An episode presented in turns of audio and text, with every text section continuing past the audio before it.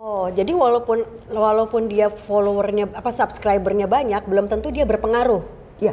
Yang berapa? Centang biru pun tidak jadi tidak jadi parameter. Oh. Centang biru itu hanya masalah bahwa akun tersebut dikenali oleh penyedia sistem elektroniknya. Hai, cerita, fakta, data. Banyak cerita di sekitar kita, tapi apakah emang benar kita tahu fakta dan datanya?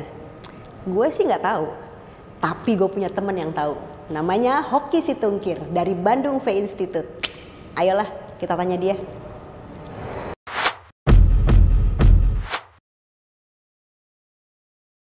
Ah, ini dia, Halo. dicariin. Iya. Gue lagi bingung soalnya. Apa bingungnya? sekarang ini kan sekarang ini kan namanya podcast kan banyak banget kan Hmm. sampai tuh kalau misalnya gue lihat-lihat di mana di YouTube lah itu banyak banget mulai dari podcast-podcast yang cencereme yang gak jelas gak jelas yang isinya ngeprank-ngeprank orang sampai yang model-modelannya kayak eh, Endgame gitu yang untungnya Gita Wirjawan ganteng sekali gitu kan. Jadi kalau nontonnya tuh agak tekun oke lah gitu ya. Nah sebenarnya itu semesta podcast tuh kayak apa sih? Kan sebenarnya kan podcast banyak banget nih. Hmm. nah itu gambar bisa digambarin nggak sih sebenarnya tuh podcast tuh ada apa aja ada siapa aja terus apa pentingnya sih Ya podcast itu kan kita, kita ceritain dulu podcast itu apa. Oke. Gitu kan, medianya itu kan media apa dia itu biasanya membonceng media sosial. Hmm. Podcast kita kenal ada di Spotify platformnya, ada di YouTube, ada di sekarang Twitter juga punya itu podcast podcastan tuh. Hampir semua me- platform media sosial tuh menyediakan eh, untuk menyebarkan audio. Hmm. Nah, cuman sekarang ada juga tren podcast itu juga ada videonya. Jadi jadi perlu dandan dulu sebelum ini. Nah, itu dia tuh Sehingga akibatnya yang tadinya platform seperti YouTube itu yang tadinya si- sifatnya lebih ke citizen journalism, tempat men-share video itu menjadi media podcast yang paling rame saat ini. Saat ini apa pun platformnya kayaknya orang-orang pasti punya ini. Nah, nah kita di, di Bandung V Institute itu me- mencoba menggrab ada 1861 akun YouTube di Indonesia 1861 itu pasti lebih. Tapi saat ini yang terkumpul sekitar 1861 Hmm. oh apa akun channel ya channel YouTube yang ini. Dan kemudian kan channel YouTube itu kan eh, akun YouTube itu kan bisa follow-followan tuh. Ah. si ini follow ini ini follow ini segala macam dan seterusnya. Nah kemudian bayangkan 1861 itu kemudian bayangkan sebagai sebuah titik-titik Hmm. Terus titik itu saling berhubungan, misalnya si akun si A memfollow akun si B, si B si C dan dan seterusnya. Itu jadi gambar seperti ini. Jadi ini eh, apa eh, semesta? Kalau pertanyaannya semesta, inilah mungkin apa namanya gambaran dari siapa memfollow siapa di ch- channel YouTube yang dijadikan sebagai podcast. kayak negara ya Iya, kayak negara. Nah, da- dari sini kelihatan dari siapa memfollow siapa jadi kelihatan kan preferensinya. Jadi misalnya kalau akun yang sifatnya entertainment, hobi-hobian segala macam. Nah, misalnya ini apa yang warna kuning nih. Nah, ini ada satu akun namanya Den Dimas. Nah, dia follow-followan sama akun-akun yang segrup sama dia. Ini apa? Ini kira-kira tentang hobi lah ya, tentang otomotif, tentang apa segala macam dan seterusnya. Nah, ada lagi kelompok ini itu di kelompok hobi lah ya. Nah, ada kelompok seleb-seleb nih. Nah, ini ada yang sentral di sini. Nah, di sini di gambar ini kalau makin besar gambarnya eh, apa tulisannya, nama akunnya, berarti dia makin sentral. Apa arti sentral itu? Artinya dia itu punya otoritas yang kuat dalam penyebaran informasi di sini. ada hubungan sama follower nggak jumlah follower Nah, ini yang menarik. atau subscriber Nah ini yang menarik. Jadi apa banyak orang ber- berilusi ya. Kalau banyak follower berarti hebat segala macam terusnya. Sebenarnya enggak. Justru justru justru tidak. Sebagai contoh misalnya, yang paling banyak followernya dalam semesta yang dipetakan di sini itu akun eh, Ricis kalau nggak salah. Ria Ricis. Ricis official. Ini yang paling banyak followers kita 30 juta. Kalau di- apa kita buka di ini kita ya di YouTube kita. Nah tapi dia justru tidak sentral gitu dia tidak tidak sentral dia kecil dia dibanding akun lain misalnya kayak akun Kompas official Trans 7 official jadi Corbuzier Raditya Dika Najwa Shihab dia justru kecil artinya meskipun follower itu besar itu bukan berarti itu menunjukkan bahwa kita menjadi otoritas dalam penyebaran informasi di semesta podcast oh jadi walaupun walaupun dia followernya apa subscribernya banyak belum tentu dia berpengaruh iya Kira-kira gitu ya? Iya, Oke. dibandingkan yang lebih besar tuh. Jadi artinya eh apa namanya sama kayak ini mungkin kalau misalnya di, medsos ya, Hmm. Twitter misalnya orang berpikir eh, berilusi kalau trending topic itu udah pasti udah pasti banyak ini, enggak juga karena itu bisa difabrikasi kan, gitu. Hmm. Contohnya gini, saya apa misalnya nih kita berandai-andai apa ada sebuah akun podcast misalnya, akun YouTube misalnya, terus dia di follow sama akun-akun bodong-bodong Oke. bisa sampai puluhan juta, 100 juta Hmm. akun yang follow dia. Tapi kan ya Bohong. bodong-bodong semua Ah. ya. Meskipun dia banyak itunya ya dia nggak nggak punya otoritas. Tapi kan kayak misalnya Ria Ricis kan akun bodongnya ya oke banyak, tapi 30 juta ya banyak yang beneran beneran juga dong. Iya. Tapi kenapa dia tidak tidak berpengaruh dibandingkan yang yang lebih sedikit misalnya kayak si Pak Botak ini kan gede banget nih. Jadi Corbuzier. Heeh. Iya. Iya. Kenapa? Iya karena eh, tadi itu otoritas itu kan di- diukur, ada ada ada matriksnya.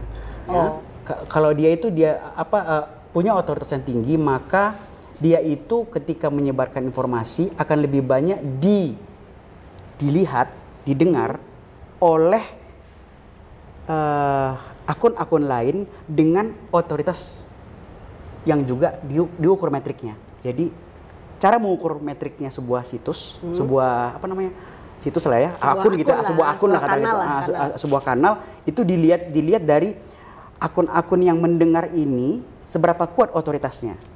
Otoritas ini Oh. ditentukan oleh otoritas pengikutnya. Oh, Jadi kalau jadi uh, sebuah akun yang besar misalnya 30 juta, 50 juta uh, apa followernya. Kalau di follow oleh akun-akun yang tidak tinggi otoritasnya, Hmm. dia akan jadi rendah otoritasnya. seberapa banyak istilahnya yang centang biru yang istilah istilahnya ya kan yang Hmm, yang berapa Centang biru pun tidak jadi tidak jadi parameter. Oh. Centang biru itu hanya masalah bahwa akun tersebut dikenali oleh penyedia sistem elektroniknya, oleh Hmm. si uh, platform media sosialnya. nggak ada hubungan sama otoritas berarti ya? Tidak ada kaitannya dengan otoritas. Oke. Secara praktis ya, Hmm, faktual kita hmm. bicara soal fakta. Gitu. Data dan fakta kan. Oke. Berarti orang-orang kalau misalnya orang kan gini, bahwa yang namanya kalau lo akan punya otoritas jika misalnya kanal lo centang biru gitu misalnya. Itu berarti sebetulnya nggak bermakna apa-apa dong ya dengan eh, dengan otoritas dia sebagai sebuah kanal. Iya, betul. Atau gini aja, eh, ada seorang cenil, gitu, dia punya teman banyak, dia dia alumni sebuah, di sebuah perguruan tinggi yang sangat terkenal, dia gaul sekali segala macam dan seterusnya, pertemuannya ada mungkin, kalau dihitung teman-temannya mungkin ada ada lah mungkin 20 juta orang gitu ya, yang mengenal dia baik dengan di medsos ataupun di dunia nyata segala macam seterusnya. Dengan seorang ibu rumah tangga, siapa lebih tinggi otoritasnya? Nggak bisa kan gampang menjawabnya kan? Ibu rumah tangga sama seorang sendiri yang wanita karir yang penuh gaul dan segala macam yang he- hebat lah. cakep yang ya? cakep juga segala macam. Wah ber- luar biasa gitu. Siapa lebih tinggi otoritas, otoritas daripada seorang ibu rumah tangga? Ya belum nggak bisa nggak bisa gampang bilang itu. Kenapa? Ya kalau misalnya, misalnya si ibu rumah tangga ini adalah istri presiden Hmm. tumbanglah semua.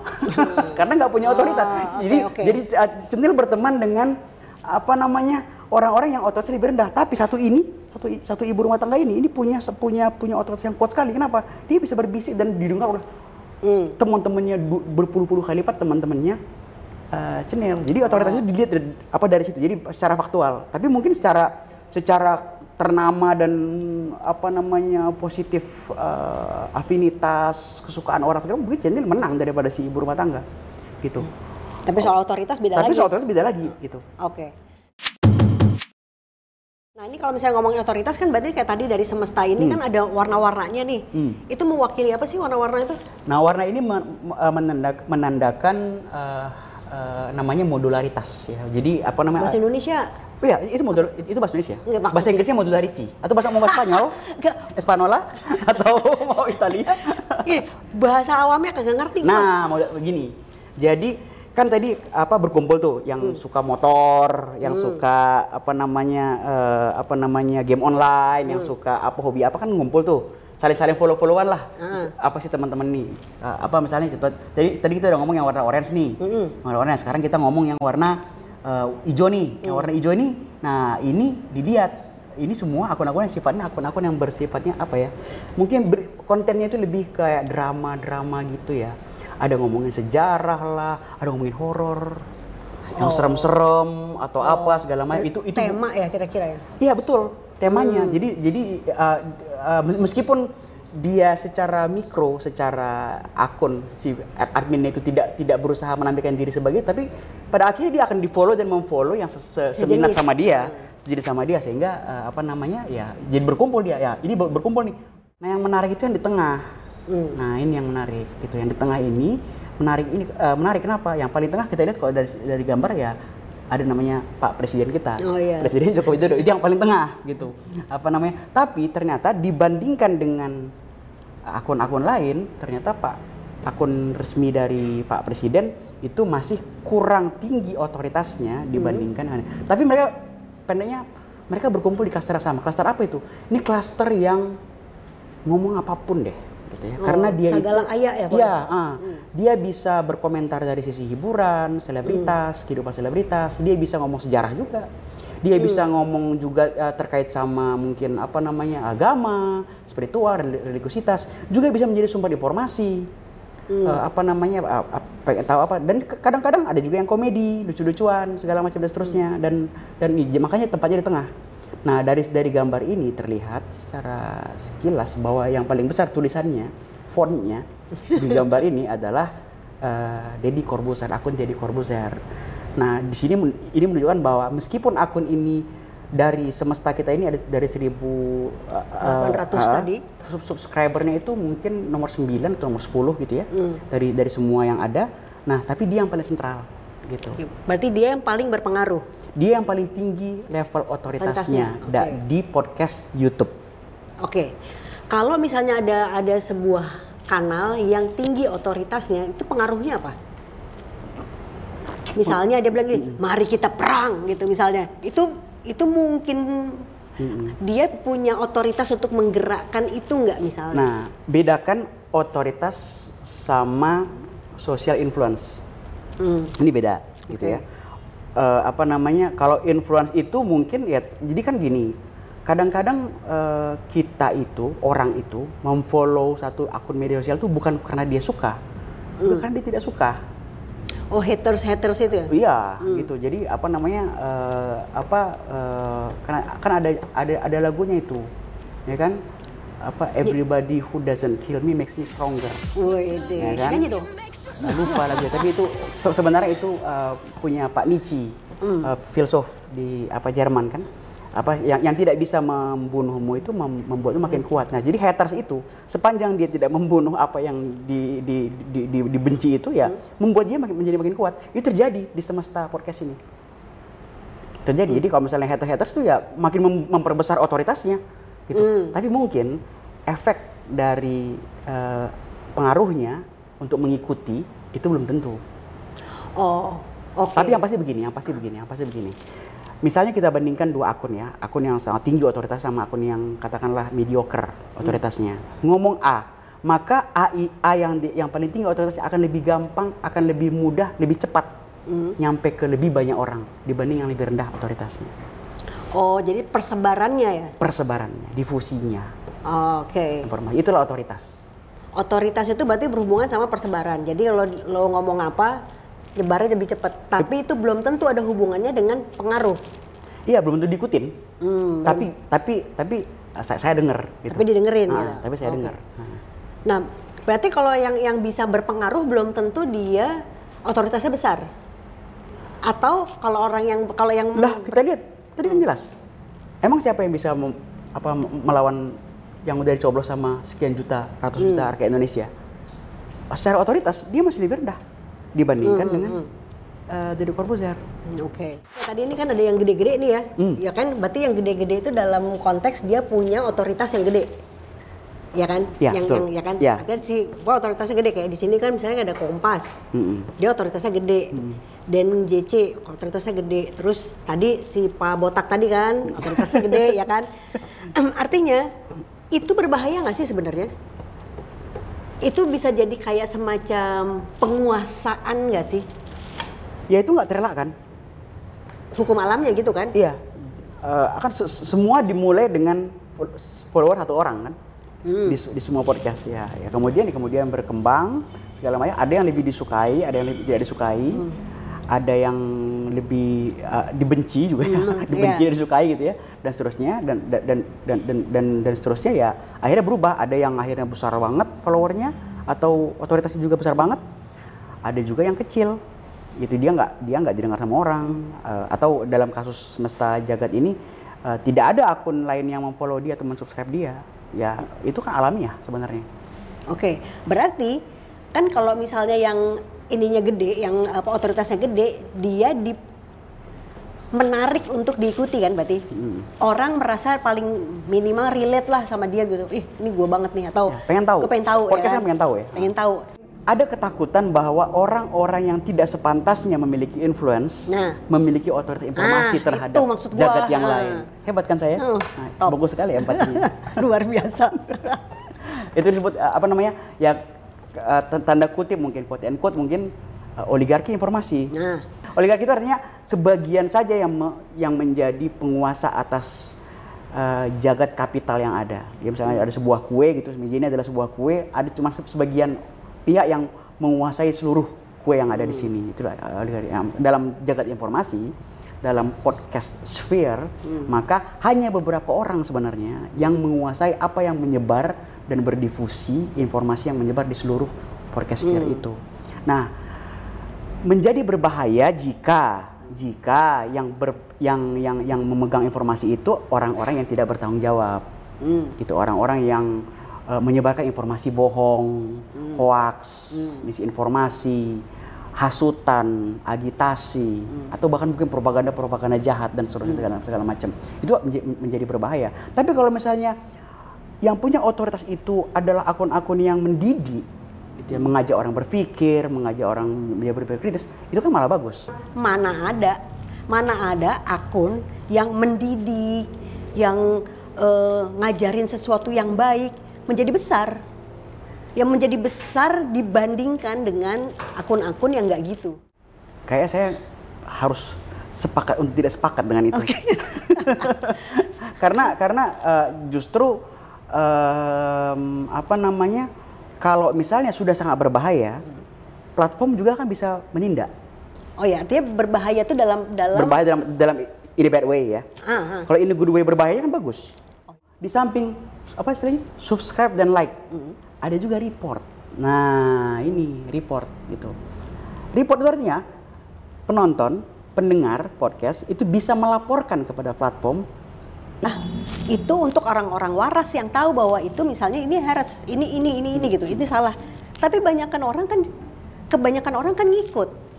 Ikut harus deh yang lain deh. Dia men- menawarkan sebuah nilai, prank deh. Ngeprank orang gitu. Orang kan ngelihat itu di semua masyarakat dunia maya ini diajak untuk ngeliat bahwa itu lucu. Padahal yang di prank nggak enak. Misalnya, ya kan nilai-nilai itu kan nggak bisa di-report. Artinya ti- orang tidak mereport itu karena menganggap bahwa itu heeh, itu benar gitu. Kan makanya itu kenapa kok gue bilang bahayanya tuh itu gitu. Jadi orang diarahkan untuk ngikut gitu loh ke kayak tadi soal selera yang dibentuk tadi gitu. Ya yang pasti kan ada nilai-nilai yang tidak boleh dilanggar dan ditentukan oleh platform. Mm. Jangan rasis, jangan melecehkan, jangan menyerang personal, jangan ini segala macam dan seterusnya. Dulu ada fase ketika report itu harus jumlahnya besar, baru di report. Kalau sekarang mungkin 2-3 report pun kalau memang benar- udah benar itu bisa di take down kok sama platformnya. Jadi apa namanya itu ak- akan tergantung platform, tergantung kita berargumentasi kepada platform bahwa ini emang harassing, ini melanggar nilai-nilai ABCD segala macam. Jadi eh, apa kalau misalnya Cenil tidak suka sama satu akun, ya tinggal report sama si itunya dan berhak kalau perlu di email, kalau perlu dibikin dibikin kampanye, bikin podcast menandingi itu. Itu dibolehkan kok, dibolehkan sepanjang tidak melanggar nilai-nilai yang di yang dibikin sama si platform. Jadi si oligarki informasi dengan oligarki yang kita kenal di, di luar domain informasi, di, di luar magistratum informasi tampaknya itu Magistratum apaan? eh, wilayah domain karena karena kita punya platform gitu. Ini bukan kayak bukan kayak panggung off- offline gitu yang boleh ngomong didengar orang ada yang panggung dan nggak ada yang ngatur panggungnya. Itu kan tirani mayoritas. Nggak nggak seperti itu sebenarnya. Jadi ya apa nama itu itu terbentuk dengan dengan, dengan alamiah kok. Dan kalau misalnya yang paling terkenal misalnya apa akunnya milik Mas jadi Corbuzier misalnya dia punya punya apa uh, uh, persoalan, ya tinggal di report sama channel sama yang nggak su- sesuai sama nilainya. Nah kalau nanti, nanti di, di, dikurasi ternyata nilai-nilai yang diargumentasikan oleh channel dan kawan-kawan itu tidak memang benar ada di akun tersebut yang nomor satu foto tersebut dia dia akan di take down atau mungkin min- minimal dapat peringatan. Bisa ngejar otoritas itu lo memang ngejar ngejar viewer gitu. Iya memang otoritas itu bisa dikejar di jagat maya. Otoritas itu bisa dikejar, bisa dibentuk ya. Apa namanya misalnya salah satunya biar kita makin otoritas mungkin eh, itu ada tadi yang saya, saya sebut di akun YouTube kan yang tutorial bagaimana cara supaya apa segala macam itu kan bagian dari itu. Bagaimana cara merebut otoritas. Ja- eh, data yang diambil beberapa hari yang lalu ini data yang kan bahwa yang paling bisa merebut simpati atau slash antipati dari pendengar atau penonton YouTube itu adalah Deddy Corbuzier. Itu fakta. Hmm. Gitu. Jadi apa namanya? Dia paling bisa merebut hati orang, mau suka atau nggak suka ya. Oh, oke. Gitu. Ya. Mau ada yang suka atau nggak suka ya, pokoknya dia paling bisa merebut. Dia di- dia dan dan, dan dia bisa eh, akun dia itu dia diatur sedemikian rupa bisa merebut berbagai macam klaster. Mau klaster ada yang klaster tadi hobi, ada klaster apa segala macam. Yang mengikuti dia itu, yang mensubscribe dia itu, itu hampir di semua kalangan Hmm. itu prestasi dia. Ya itu caranya. Dia apa eh, dia bisa. Tapi apakah itu selamanya? Ya enggak juga. Itu bisa bisa berubah. Kalau misalnya tiba-tiba dia bikin ah, bikin bikin posting-posting atau video-video YouTube yang kemudian salah satu kalangan tadi ada tadi itu bisa bisa bisa bisa bisa dia kehilangan otoritas, bisa pindah ke yang lain. Gitu. Yang menarik justru Cenil adalah bagaimana mungkin ya di jagat YouTube sphere ini kantor berita malah lebih rendah otoritas daripada akun dari Deddy Corbuzier. Mas Deddy Corbuzier. Itu yang keren, itu yang menarik, itu yang kita mungkin dalam 20-30 tahun ke belakang itu nggak bisa membayangkan seperti itu.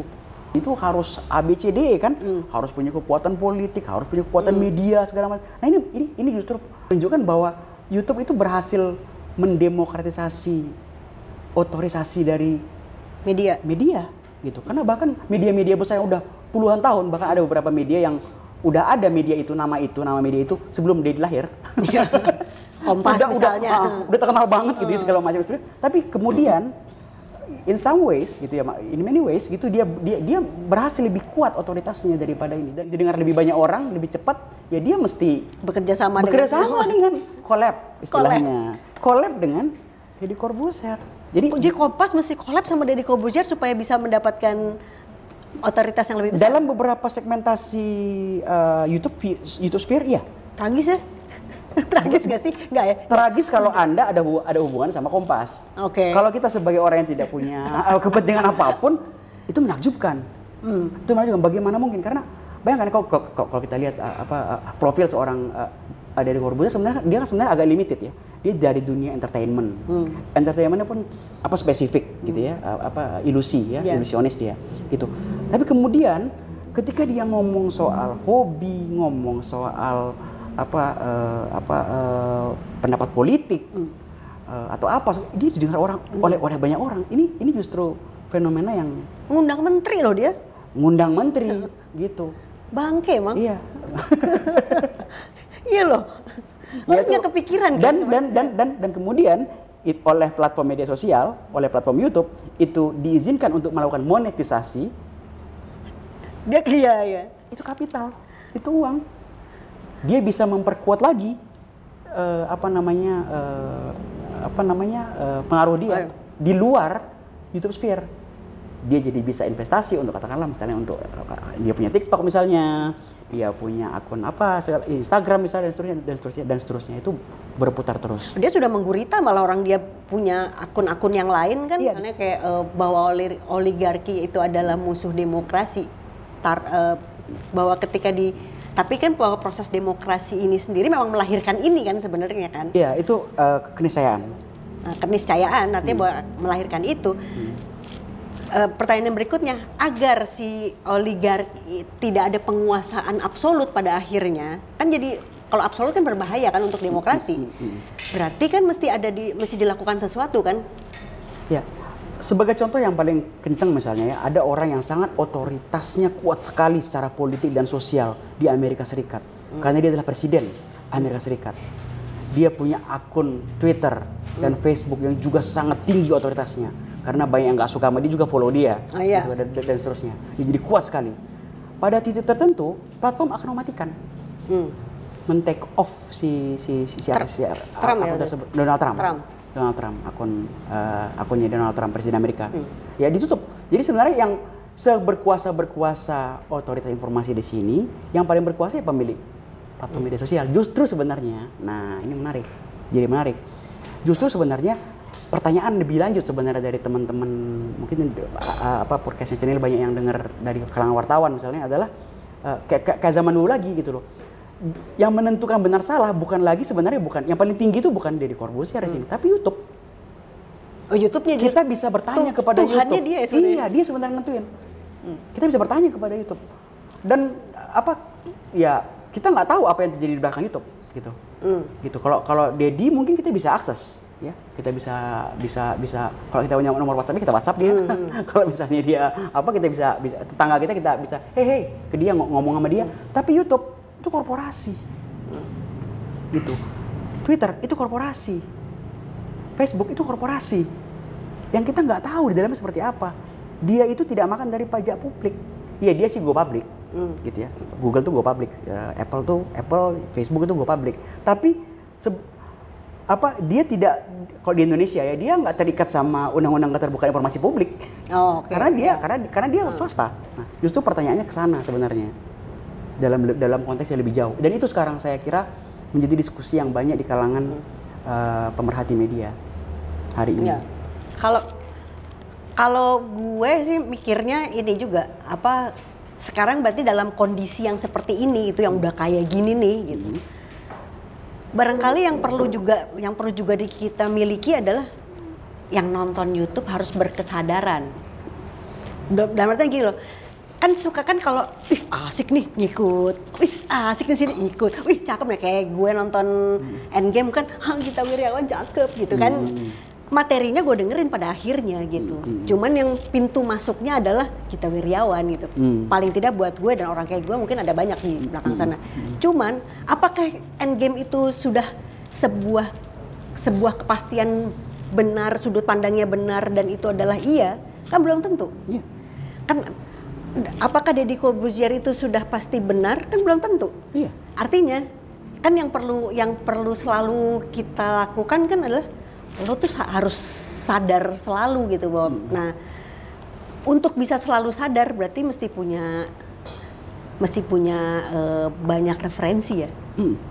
mesti punya banyak teman makanya gue temenan sama lo Oh, gitu. Deh. senang berteman jadi temen emang mesti milih sih Iya betul Kamu mesti milih. kamu adalah siapa temenmu Yes. Tadi kita udah ngomongin soal semesta podcast. Ternyata follower dan centang biru bukan segalanya. Hah, siapa tuh pejuang centang biru? Bukan segalanya dan itu tidak ada hubungannya sama otoritas akun kita terhadap orang lain. Oke? Cerita fakta data. Saya Chandra Cenil Widanarko. Bercanda boleh, goblok jangan.